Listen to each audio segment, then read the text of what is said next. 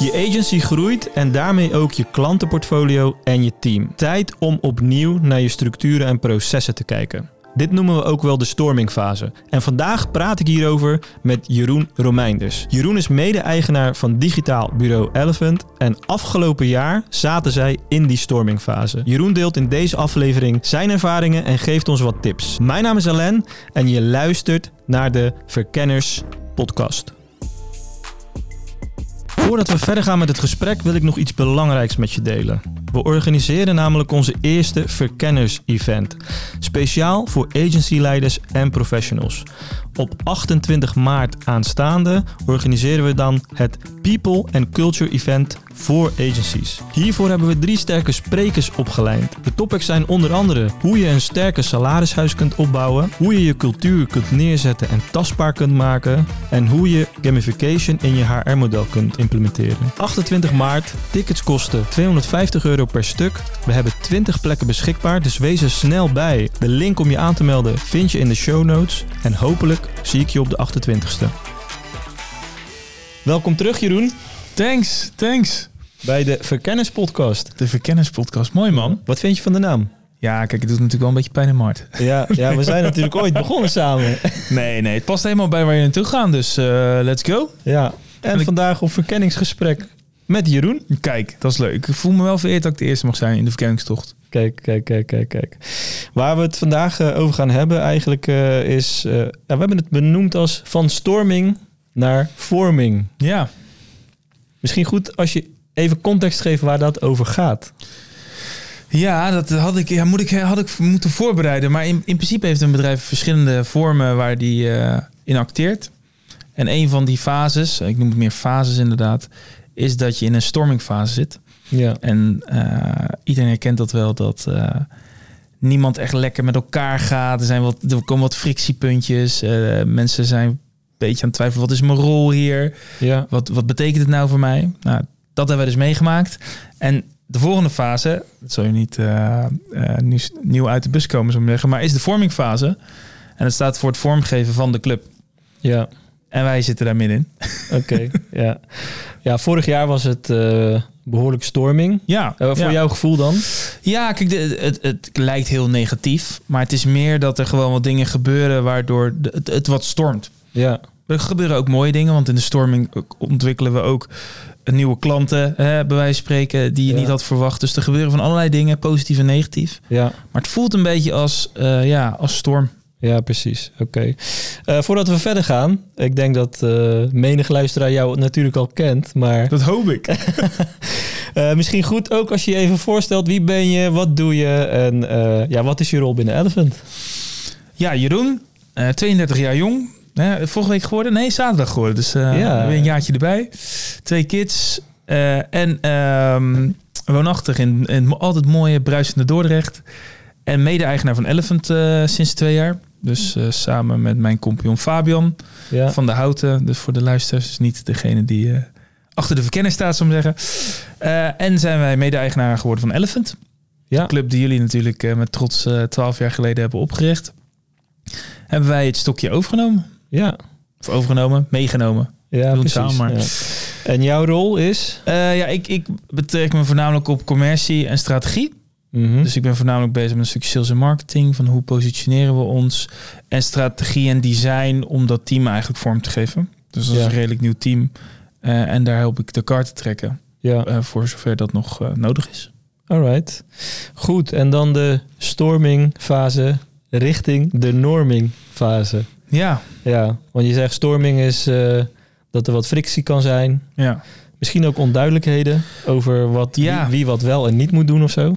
Ja, het, het is een beetje te... te kijk, we, we komen natuurlijk... Het bedrijf bestaat al 12 jaar. Dus het is een bepaalde cultuur in dit, in dit bedrijf gekomen. Eh, dus het heeft ons groot gemaakt. Maar op een gegeven moment gaat zo'n cultuur ook een beetje brokkelen. Er komen nieuwe mensen bij. Andere inzichten. De markt verandert. Eh, je gaat ineens andere opdrachten doen. En dan, dan begint het een beetje te stormen. Want dan betekent het ineens... Ja, eh, voel ik me hier nog wel fijn in deze club? Eh, wat betekent Ja. het voor mij? Wat is mijn rol? Ja. Dat zijn eigenlijk allemaal van die punten, vragen die je op je afgevuurd krijgt. Dan weet je een beetje dat je er middenin zit.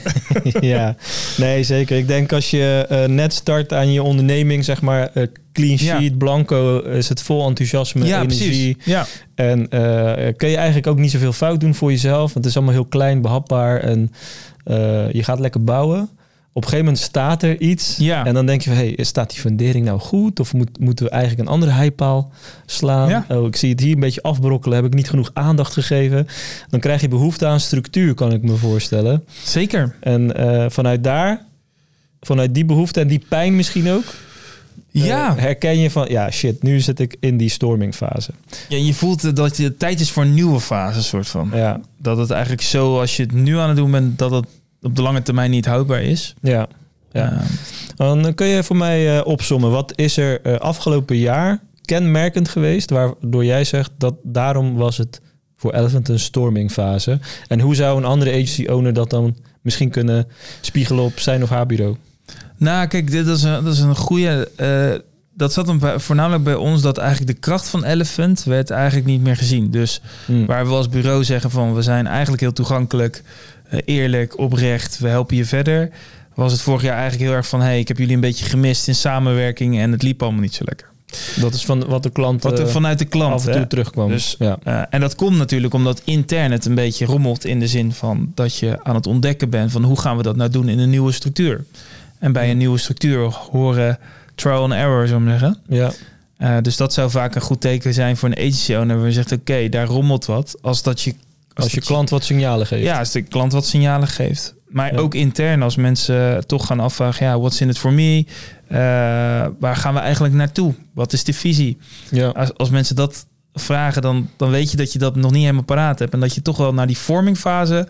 is dat toch wel iets wat je moet hebben. Dat je in ieder geval die stip moet hebben. Ja, maar er, er zijn ook wat mensen vertrokken. Ook Ja. wat mensen die er langer zaten. Ja, Eh, en als relatief klein bureau, hè, ehm, ja, onder de 20 FTE even zo gezegd. Ja.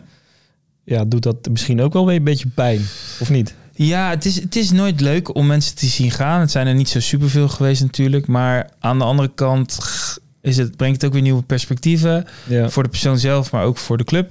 ja, Ehm, dus zolang je dat een beetje in zicht hebt. En als je ergens gaat veranderen, dat betekent ook dat sommige mensen niet helemaal in die verandering voor zichzelf passen. ja, Van hey, we ja, gewoon daar over die vorming hebben. We gaan naar structuur. Als jij denkt van hey, ik vind het leuk om juist in een soort van start-up-achtige vibe, waar ik een beetje allround bezig ben en ik wil niet in een hokje plaatsen, ja, dan, dan, dan pas je eigenlijk ook zo'n bureau dan niet meer in de, in de, in de roadmap die je voor jezelf hebt.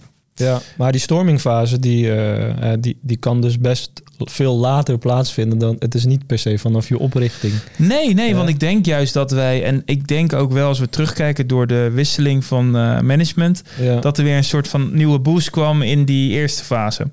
ja, Hè? Dus voorstorming komt, dat weet ik zelfs, dat ben ik gewoon helemaal kwijt. Maar er zit nog iets anders en dat is een beetje die enthousiasme, die ambitieuze. ja, Maar dat gaat ook weer afvlakken en dan kom je dus in die storming. En dan moet je dus eigenlijk weer een, een ja, pilaar naar boven om naar die norming. ja, En daar, daarboven norming zit performing. ja, dat is weer de, de fase erna. Ja. Ja. Ja, ja maar de ingrediënten zijn dus, eh, wat je zegt, eh, tekenen van je klanten. Als die herhaaldelijk terugkomen. Ja. Als je daar een patroon in kan, eh, gaat herkennen. Maar misschien dus ook wat rumoerigheid in je team. Het hoeft niet per se negatieve rumoerigheid te zijn. Maar mensen gaan weg. Of je ziet dat dingen onduidelijk Ja. worden. Of dat, dat mensen dingen onduidelijk vinden. Ja. Ja, dat zijn eigenlijk de twee tekenen. En dat eh, heeft met allerlei eh, de soorten projecten die je ineens doet. Misschien doe je ineens wat andere soort projecten. Past dat nog wel bij ons, weet je wel? Dus Ja, eh, dan, dan merk je een beetje dat het ja, een beetje gaat schuren of zo. ja, ja. Was het, was het voor jou dan lastig om te schakelen als agency-leider? Nou, het was lastig om te schakelen omdat je heel lang in het... het duurt even voordat je het besef hebt. Ja, of dat je het een, laat ik zo zeggen, een naam kan geven. Ja Eh, dat je het een label hebt. Ja, dat je een label heeft en, en dat je eigenlijk voor jezelf kan relativeren van wat nu gebeurt. Dat gebeurt met een reden. En er zijn genoeg handvaten om dat te verbeteren. Hmm. Hè? Dus eh, dat geeft het wel, denk ik, als eigenaar van een agency wel wat handvaten om te kijken van ja, hoe gaan we dit dan naar een andere fase krijgen. Ja, Maar het duurt wel even voordat je een beetje door hebt van waar moet ik aan gaan sleutelen. ja. Zeker omdat vaak dingen waar je aan gaat sleutelen is lange termijn en niet zozeer korte termijn. Dus je ziet de effecten niet, eh Je ziet die effecten niet direct. termijn. Ja. Dus je zal nog steeds even af en toe misschien een klant hebben die het niet helemaal ermee eens is. Maar op de lange termijn ja. gaat het wel veel, veel duidelijker zijn voor je klant en voor je collega's om te zeggen. ja. Waarbij die collega denk ik het belangrijkste is. Ja. voor ons. Ja, en, en eh, kijkend naar je team. eh, er zijn best wat mensen bijgekomen. Uit mijn hoofd acht of zo. Ja, ja. In een team van pak een beetje 20. Een goede, een goede cocktail voor een stormingfase. Is dat er heel veel mensen Ja, bij komen. Er zijn ook wat mensen afgegaan. Hè? Dus Ja. het is niet Nee, in de netto acht Nee. mensen gegroeid. Maar Maar er zijn wel echt twee... eh, er is wel een, een nieuwe strategie design afdeling is opgestaan, zou ik zeggen. binnen een jaar. Binnen een jaar. Dus dat is on, onwijs tof, onwijs trots op. Ja, Ehm, maar ja, dat, dat hoort wel een beetje bij even wennen aan elkaar. ja. Hoe pak je dingen aan, et cetera. Een volledig nieuw design- en strategieteam. Ja. Eh, de designer die er zat, die, eh, die heeft heel lang hele mooie dingen ja, voor zeker ons gedaan. weten. Ja. Vo- vond je dat lastig? Want we hadden destijds, helemaal in het begin van 2023, was er maar één designer natuurlijk. Ja, en 2022 al, ja. ja. Ja. Einde 2022. Einde, dan. nou, ja, einde ja. 20 ja. precies. Eén designer en die, die zei, "Hey, jongens, het is voor mij tijd voor een nieuwe uitdaging. En helemaal groot gelijk. Ja, precies. Lang Het, het was ja. ook een tijd voor Ja. hem om, om echt iets nieuws te doen. Dus Ja. dat, dat is een hele mooie stap voor hem geweest. Maar dan zit je dan. hoe, hoe voelde dat? Ja, kijk, je- het voelt natuurlijk eerst eh, eng. Want je hebt van 1 ga je naar 0. En Ja. Dat is best wel een cruciaal element in ons bedrijf. Ja, Dus dat heeft ons ook weer doen denken dat, dat we dat team groter moeten maken. Dus vandaar ook de... de meer balans, Iets bedoel meer je? balans. ja, Iets meer opvang wanneer iemand weggaat of wanneer iets gebeurt. Ehm, maar het creëerde ook andere perspectieven voor hem, denk ik ook, en voor ons. ja, Eh, waardoor we anders gingen kijken wat Ja. we wilden. ja, Ehm, want ja, ik denk dat je vaak in je eigen bedrijf ook een soort van tunnelvisie kan zitten. Dat het feit wat je doet, dat dat de, de right choice is, om te zeggen, dat dat de, de enige weg is. En dit doorbrak een beetje die tunnelvisie van, hé, ja, is dit eigenlijk wel waar we naartoe willen? ja. Ja, je houdt het misschien gewoon vast aan je oude patronen, even zo gezegd. Ja, ja, precies. Ja. Ja. Dus dit zorgt er wel voor dat je eh, wel weer anders gaat kijken. Ja. Hey, en eh, eh, dan een volledig nieuwe design- en strategieteam. Dat bestaat nu uit Vier. vier mensen. Ja. Die zijn daarbij gekomen Ja. afgelopen jaar. Ja, dus ehm, dat past ook bij waar wij denken heen te willen gaan. Met een stukje beleving en een stukje branding deels erin. Eh, Ja. Is design natuurlijk wel kenmerkend. Ja, Hoe mooiere dingen je maakt, hoe meer je gevraagd wordt natuurlijk. ja, ja want dat is eh, eigenlijk eh, ergens ontstaan waarvan jij zei... we moeten wat meer body hebben Ja. op dit gebied. Ja. Ja, Ja, want kijk, we gaan nu naar eh 23 of 25 man zitten we dadelijk. Dus je hebt ook wel meer body nodig in wat je kan. ja, Terwijl als je met 10 bent, dan is dat weer een hele andere hoeveelheid en kan je wat sneller schakelen. Met 25 moet je wel bepaalde structuur hebben, dus ook bepaalde structuur per discipline. ja, Ehm, dus dat was wel belangrijk, ja. ja. En dan ga je die mensen onboorden. Eh, en hoe gaat, eh, hoe gaat dat in zijn werk als je, zeg maar, ja, vrijwel from scratch een volledig nieuw team onboord in een trein die best wel al hard aan de Ja. rijden is, zeg maar. Ja, ik denk dat ze daar zeker met z'n allen zijn opgesprongen en, en zien waar het heen gaat. Onwijs knap. En waar we voorheen dachten van ja, hoe moeten we dat... Nou, eigenlijk onboard is dat best wel organisch gegaan. En hebben we ook eh continu... We hebben niet ineens die vier man erbij genomen natuurlijk, maar stapsgewijs. En ligt het natuurlijk ook wel aan de personen die je hebt, hoe flexibel die kunnen zijn. Ehm, en dan kan je altijd wel de klus klaren, weet je wel. Het, het is natuurlijk... Het vakgebied verandert niet. Alleen je moet met meer, meerdere mensen denken. Eh, met ineens iemand die een branding achtergrond heeft, die in dat team zit. En dat, dat ging wel organisch. Ja, en natuurlijk hebben we een bepaald framework eh, bedacht of hoe we dat zien met elkaar. Maar zeker niet dat wij als, eh, als agency-eigenaren zeggen: hey, dit, moet een, dit moet het worden. Ik denk juist dat die vrijheid er ook voor gezorgd heeft dat we het kunnen kneden naar waar we naartoe willen. Zo maar je bedoelt samen met het team. Ja, samen met het team. ja. En ook dat nog niet alles vast stond. Ja. En ik denk dat het ook fijn is voor een creatieve om ergens te komen waarin niet eh, de kaders al ingekleurd zijn. ja.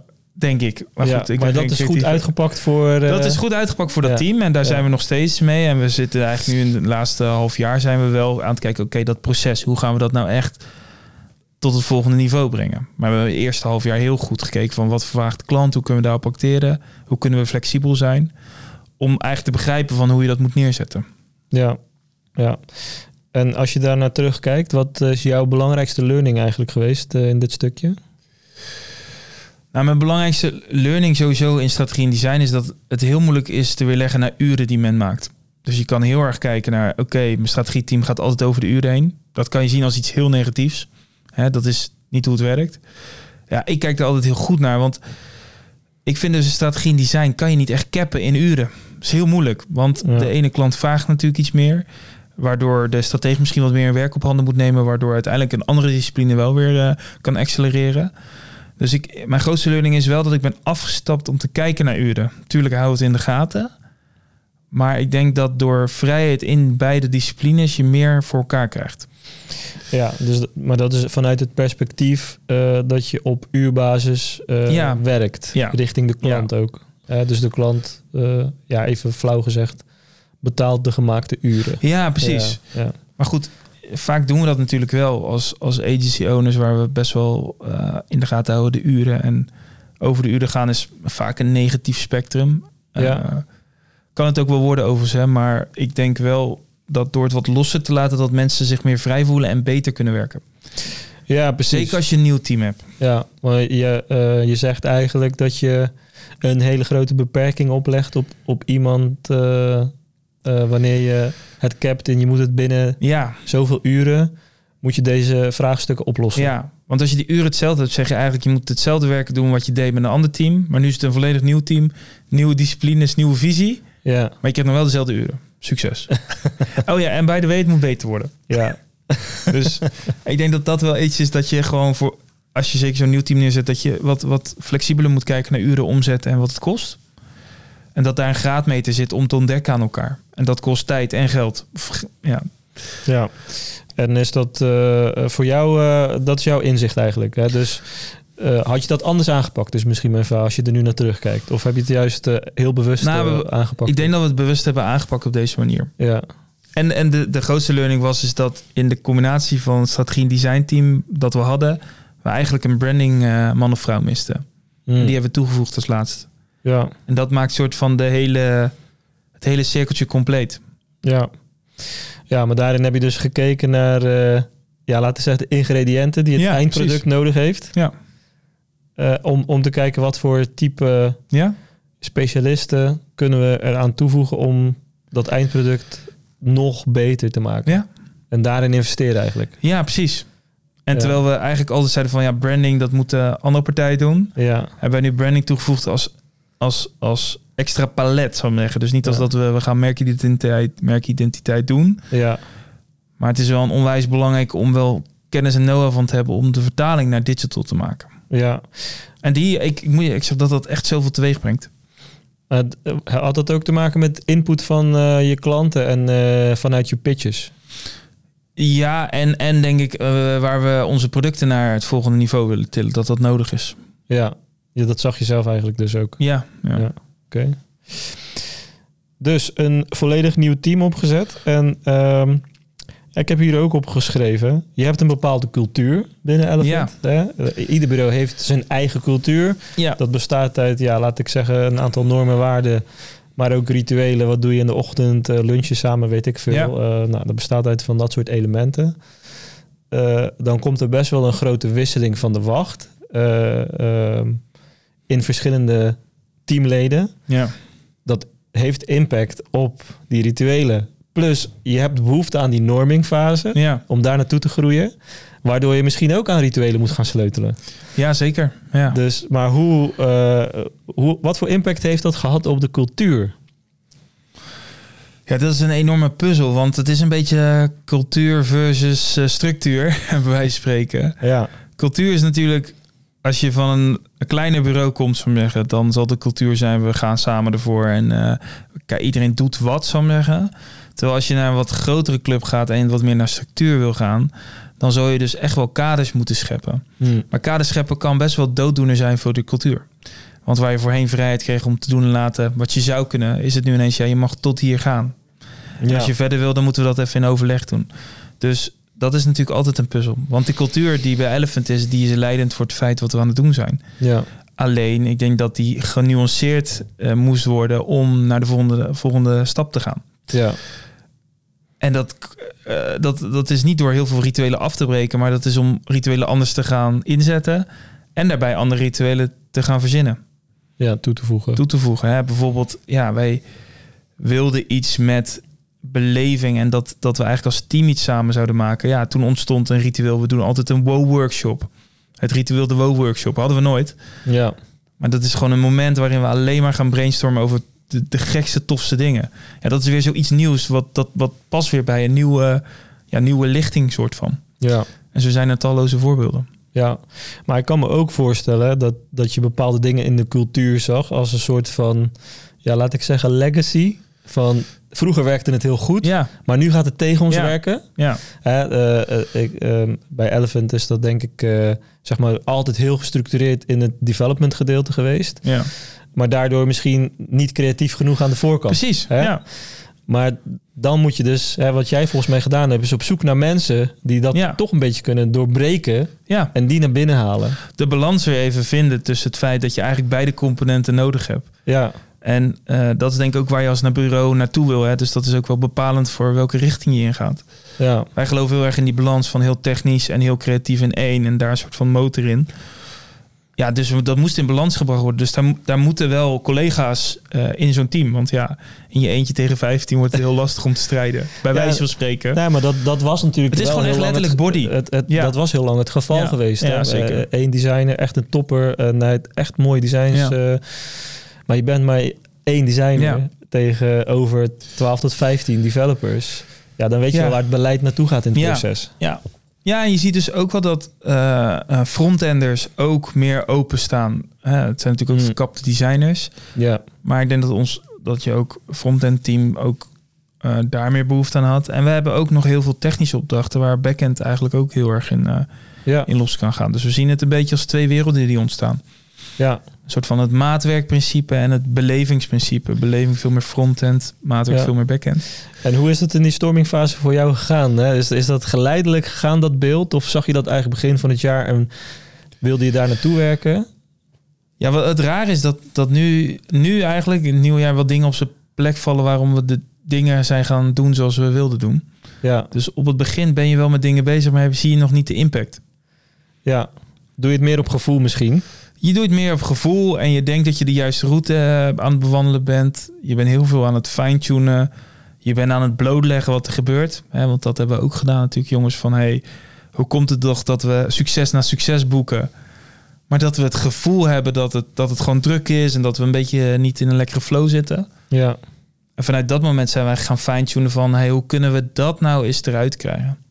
ja, Dus wat wij hebben gedaan zelf is door eerst open en eerlijk bloot te leggen aan iedereen van jongens, milestones, eh, de, de hoge punten in wat we doen, de e-mails, top 3 stonden we ineens, nieuwe klanten waar we echt heel graag al lang wilden zitten, eh, nieuwe collega's erbij, super vet. Maar aan de andere kant stond er hoge werkdruk, druk, tijdtekort, eh, niet helemaal de fit met de disciplines, heel erg hokjes denken.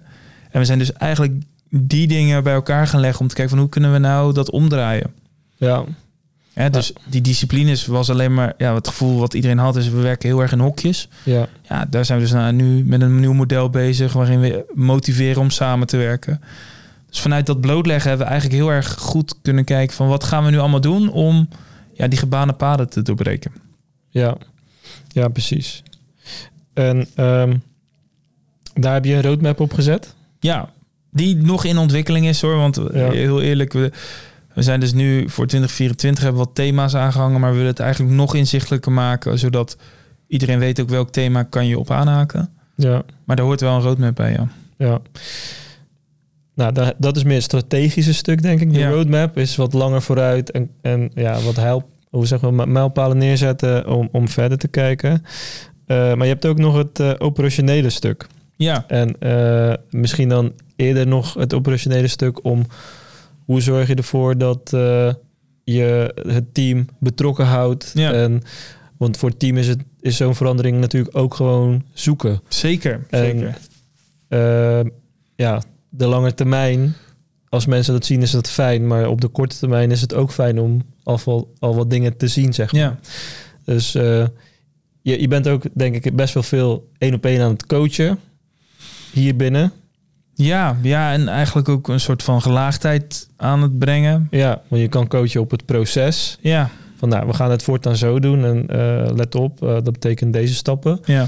Maar je kan natuurlijk ook coachen op het, eh, ja, misschien het gedrag bij wijze van. Gedrag, hoe, je persoonlijke ontwikkeling, hoe ga je met tegenslag om en noem het maar op. Ja, Dus die fase zitten we eigenlijk nu in, dat we eigenlijk per persoon ook goed kunnen gaan kijken, ja, waar heeft iedereen behoefte aan en hoe kunnen we iemand verder brengen.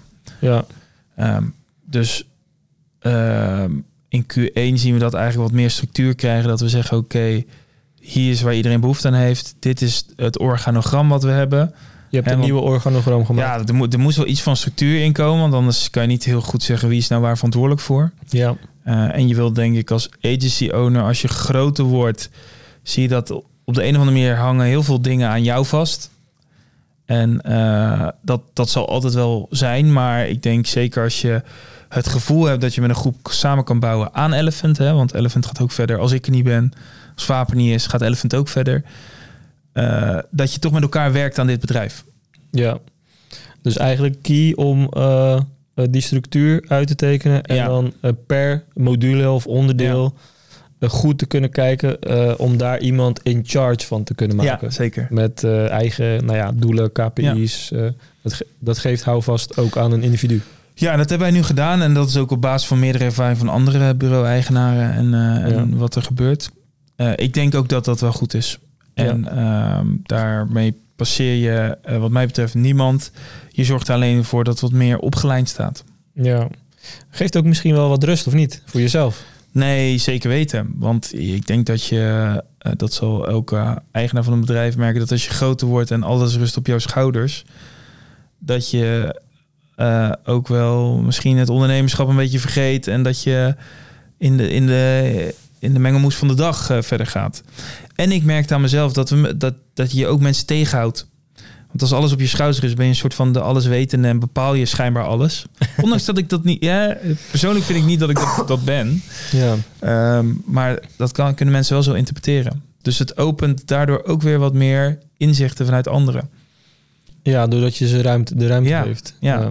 Ja, want En- heb, je, heb je vorig jaar nog eh, in de valkuil getrapt dan om iets te veel naar je toe te trekken dan? Of, eh, Nee, dat niet. Maar ik denk mijn persoonlijke ontwikkeling zit hem wel in door mensen ruimte te geven en te faciliteren dat je daarmee verder komt op de lange termijn. Korte termijn zal je af en toe denken van hé, hey, wat gaan we nou doen? ja, Maar op de lange termijn brengt het wel veel meer.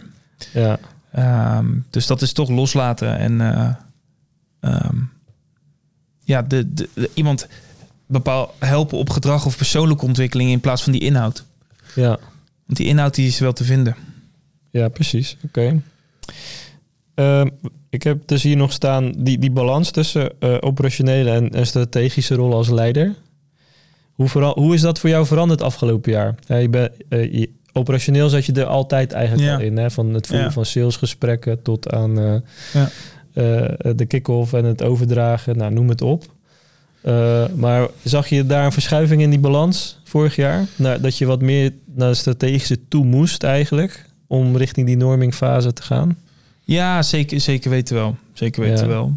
Alleen, ik denk wat voor ons belangrijk is, is dat je eh, niet te veel in de projecten gaat.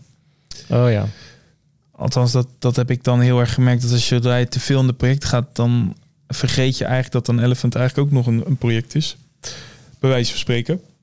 En dat je juist veel meer rollen moet coachen hoe ze die projecten beter kunnen doen. ja. Eh, want dat is misschien wel lastig als een, als een klant wat meer aan je hangt. Ja, ja, maar ik denk dat wij dat nu wel een goede flow in hebben met de overdracht naar de projectorganisatie. Ehm, door die vormingfase zijn we ook heel erg gaan nadenken, wat moeten we eigenlijk nou allemaal doen om een goede beleving te hebben. Eh, dus dat geeft ook wel weer rust en ruimte in, eh, in als je het overdraagt, Ja, denk ik. Ja. Maar wat dat dan precies is, ja, dat, dat weet ik niet. Kijk, het zal altijd een beetje knutselen zijn hoe je bepaalde processen lopen of wat voor nieuwe dingen je interpreteert. Ehm, maar ja, ik denk dat we nu wel een, een lekkere flow te pakken hebben. ja, Misschien zeggen de mensen die dit luisteren, zeggen Jeroen, eh, geen idee wat je aan het doen bent. Maar ehm, ja, ik denk wel dat we stappen maken dat het wat meer vertrouwd voelt dan vorig jaar. ja. En dat heeft met die structuur te maken, denk Ik denk het wel. Ja, Denk het wel. Ja, Ja. oké. Ja, dus de herken- herkenningspunten van die stormingfase is, is als je iets te veel eh, klant... eh, hoe zeg je dat? Ja, klant, negatieve klantfeedback krijgt. Negatieve klantfeedback inderdaad. En Ja. als je iets te veel eh, ja, onrust ervaart in de toko, even zo gezegd. Ja. ja, en dat mensen... Ja, wat, wat breng ik hier eigenlijk? Ben ik alleen maar om dingen te maken? Hè? Ben ik alleen maar uitvoer? Want ik wil eigenlijk ook wel meer. En wat kan ik dan meer doen? Ja, Weet je, dat zijn van die voorbeelden. ja. En dan is het tijd om echt eh, na te denken over structuur eigenlijk. Ja, en, en visie. Want daar begint het denk ik mee. Dus wij zijn eerst begonnen met de visie, de stip te maken. En dan te denken van wat voor structuur hebben we daarvoor nodig. Ja, dus eigenlijk beginnen bij het einde Ja, en dan terug ja, werken naar waar staan we vandaag. ja. En wat moet er dan eigenlijk, of wat mag er en wat kan er allemaal gebeuren om daar te komen? Ja, ja oké. En dan nog een, eh, een, eh, een interessant eh, onderwerp die hier een beetje bij hoort, is het afstoten van een dienst. Ja, Want als je gaat veranderen, ja, komen er wellicht dien- diensten bij. Maar er kunnen ook diensten afgaan. Ik denk vaak dat het, het afstoten van dingen, het nee zeggen op dingen, veel meer focus natuurlijk geeft. ja. Hè? En eh, dat, dat is ook structuur. Ja, je kan beter heel vaak nee zeggen en een paar dingen heel goed doen dan alle, alle ballen in de lucht te houden. Ja, en dat was ook geval, het geval bij eh, Elephant, hè? Ja, ja, Ja. ja, dus wij deden een techniek, ja, Gento, ja, en waarbij we hebben besloten om dat uit te faseren. En dat had ermee te maken, enerzijds dat de techniek in, een- in, een, in een bepaalde ontwikkeling zit waar we niet helemaal eh, in geloven. De markt, eh, de mensen die die techniek kunnen, bij wijze van spreken. Eh, en dat was bureau de techniek niet meer echt bij ons paste. ja, En eh, ja, we hebben daar onwijs mooie klanten op. Dus dat doet wel pijn. Want ja, eh, we zijn een sociale. En voor ons is het eigenlijk belangrijker dat de klant een leuke verbinding heeft dan alleen maar het project wat we opleveren. Dus dat is wel moeilijk. Die is heel lang blijven zweven eigenlijk. ja, dat is een hele moeilijke keuze. Ja, Zeker omdat er natuurlijk gewoon onderaan de streep ook omzet aan vastzit. ja. Eh, lange termijn relatie met de klant. ja ik denk dat dat het belangrijkste is. Ja. Je hebt met elkaar commitment afgegeven. En Ja. ja, dan ineens, eh, ja, het lukt toch niet. Ja, het is niet per se dat het niet lukt, maar het is een keuze die je dan maakt hè, om, eh, eh, om ergens anders op te focussen. Ja. En dat is prima. Maar het is wel moeilijk, denk ik. En hoe, dat is misschien mijn vraag, hoe herken je nou bij je bureau wan- wanneer eh, het eh, tijd is om een dienst af te stoten? Nou, kijk, wat wij met Magento merkten is dat de techniek log werd en niet helemaal meer goed te beheren werd voor ons. Hm. We hadden niet zoveel mensen erop die daar enthousiast van konden worden. Dus dat zijn eigenlijk allemaal facetten waar je denkt, ja, oké, waarom doen we het dan eigenlijk? Ja, dus Ehm. het voelde dan wat kwetsbaar misschien. Ja, ja. En, en in dit geval is, is Magento natuurlijk echt puur e-commerce. En e-commerce is niet iets wat onze pure focus heeft. Ja, Dus dan draai je eigenlijk een techniek waarbij je eigenlijk zegt, het is niet onze focus. Ja, dat klopt natuurlijk niet. Dus waarom doe je het dan? ja, En dat is gegroeid door de jaren, hè? want dat was eerst wel, maar dat is gegroeid. Ja, en dan kan je wel zeggen, we gaan ons daar niet meer op focussen. Maar dan moet je ook acties ondernemen om eh, ja, te incasseren wat voor impact dat heeft. Zo maar zeggen. ja. En wat was de, de impact, behalve de klanten? Dus was er nog andere impact? Nou ja, goed, de impact is natuurlijk een stukje omzet. hè. Eh, E-commerce eh, zijn vaak wat doorontwikkelingen. Ehm, eh, maar dat is denk ik de grootste. En, en de impact die wij vinden, omdat we gevoelsmensen zijn, is dat de klant waar wij een goede verbinding mee hadden, dan ja, ons toch niet even zo, zo leuk vond, zou ik zeggen. Wat ik ook Ja. kan begrijpen. Ja. Nou, maar dat, dat doe je natuurlijk niet van de een op de andere dag, hè? Nee, nee, daarom. Dus er zit een heel tijdspan in. En we hebben nagedacht over een vervolgscenario. Maar puntje bij paaltje is natuurlijk, je doorbreekt wel iets samen, toch? En dat Ja. is, eh, zeker als je een goede verbinding hebt voor een x aantal jaar, dan is dat wel even pijnlijk. Ja. Ehm, maar het moest voor ons. ja. En eh, wat heeft het nu gebracht eigenlijk, nu je dat eh, niet meer hoeft te doen, het Magento-stuk? Nou, we doen nog een paar die we aan het uitfaseren zijn natuurlijk. Maar het, het zorgt er wel voor dat je meer focus hebt. Zelfs in het aannemen van iemand. Ja. Hè? Want je weet dan precies waar iemand op gaat werken. Dan is het niet een bepaalde techniek die er nog ergens op de achtergrond draait. Of ja, het precies. zorgt wel voor dat je weer ruimte creëert om verder te kijken.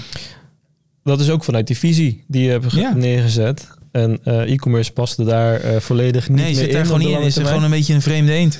Ja, en dan, eh, dan moet je soms ook een eh, beslissing maken die op de korte termijn wat pijnlijker Ja. voelt. Ja. Toch? Ja, zeker. Ja. En dat is ook met die vorming. Hè? Dit, dit haakt daar gewoon compleet op in.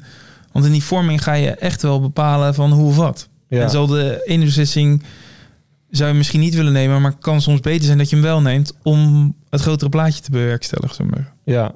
Ja, want nu heb je dus veel meer focus. Je team heeft veel meer focus op de dingen die, waar jullie eigenlijk wat meer stappen in zouden willen nemen. Ja.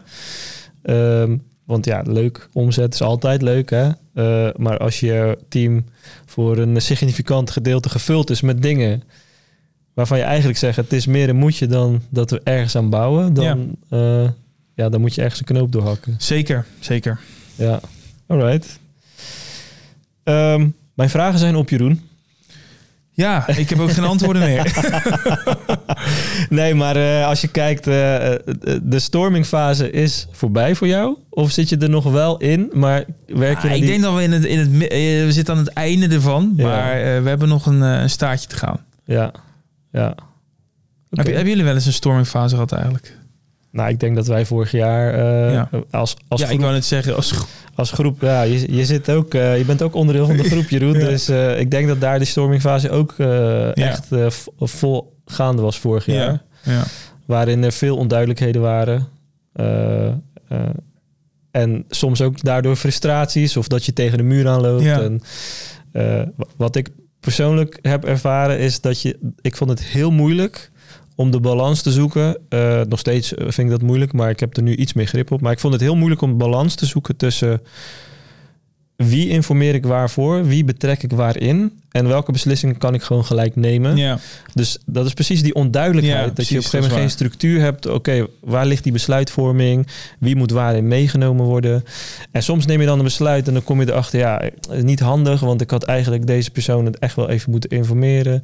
Uh, en, en dat is meer vanuit de groep is dat, is dat echt even een ding. Uh, maar dat, wat, dat is wat ik herken in die stormingfase. Ja, ja. Heel erg. Ja, dat is idem dito voor ons. Ja. En dat krijg je denk ik alleen maar goed door structuur en te weten wat je aan elkaar hebt. Ja. En toch wel een hecht clubje mensen bij elkaar krijgen om er doorheen te slaan. Ja, het, het, het vraagt wel geduld ja. van elkaar. Ja, 100%. Dus, ja, dus uh, soms kan het voelen alsof je overgeslagen wordt of zo. Ik zeg maar Ja. wat, hè. Ja. Ook voor een medewerker misschien, hè. Ja, 100%. De- terwijl het helemaal niet zo bedoeld is. Het is gewoon voor jezelf als leider soms ook niet even duidelijk welke paden je wil nemen. Dan ben je dan aan het uitzoeken. Ja, Ja, ja. ja. Enorm eh, interessant overigens hoor. Veel geleerd. Echt veel geleerd. ja. Maar dat begin je ook pas te beseffen als het klaar is. Als, je dan, als je dan terugkijkt. zeker. Ja. Ja. Ik denk dat het voor iedereen geldt, toch? Die een soort van persoonlijk eh, verder wil komen. Dat je soms niet helemaal door hebt wat voor ontwikkeling je eigenlijk maakt. En daar pas achteraf achter komt wat dat heeft betekend voor je. Ja, en een stukje reflectie. Ja. Ja. Ja. ja. Ja, ik vind wel, als ik kijk naar jou als eh, ondernemer, dat je steeds meer rust uitstraalt. Daar hadden we het pas ook nog over. Ja, ik zit aan de pillen. Nee. nee, dat is waar. Dat voelt Ja. ook wel. Maar dat komt wel omdat je... Die, ik denk dat we de afgelopen twee jaar er- ergens doorheen moesten ja. om door te gaan. ja. En dan zal iedereen zeggen, van, ja, maar dat heb je ook. Ja, dat gevoel heb je ook. Maar ik voelde echt dat we even net aan de andere kant van de streep moesten zijn om door te pakken. ja. In plaats van te wachten. Ja. Oké. Maar goed, dat is gevoel, hè. Ja.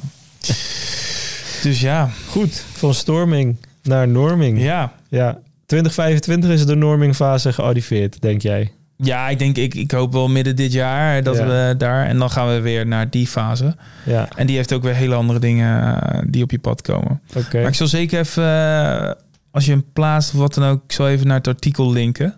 Ja. Ehm, want het is wel interessant, want ik denk dat je als agency-owner goed kan bepalen in welke fase je zit. En dat het wat handvaten geeft om, om ergens op te pinpointen wat je moet gaan doen eigenlijk. Ja. Je, bent er, je staat er niet alleen voor. Dit gebeurt meerdere bureaus en bedrijven. Eh, en je hoeft dus niet het wiel opnieuw uit te vinden. Zeker weten niet. Ja. Alright. Cool. Jeroen, dankjewel. Hey, jij bedankt. Tot En, de volgende eh, keer weer. Tot de volgende weer. Ciao. Hoi.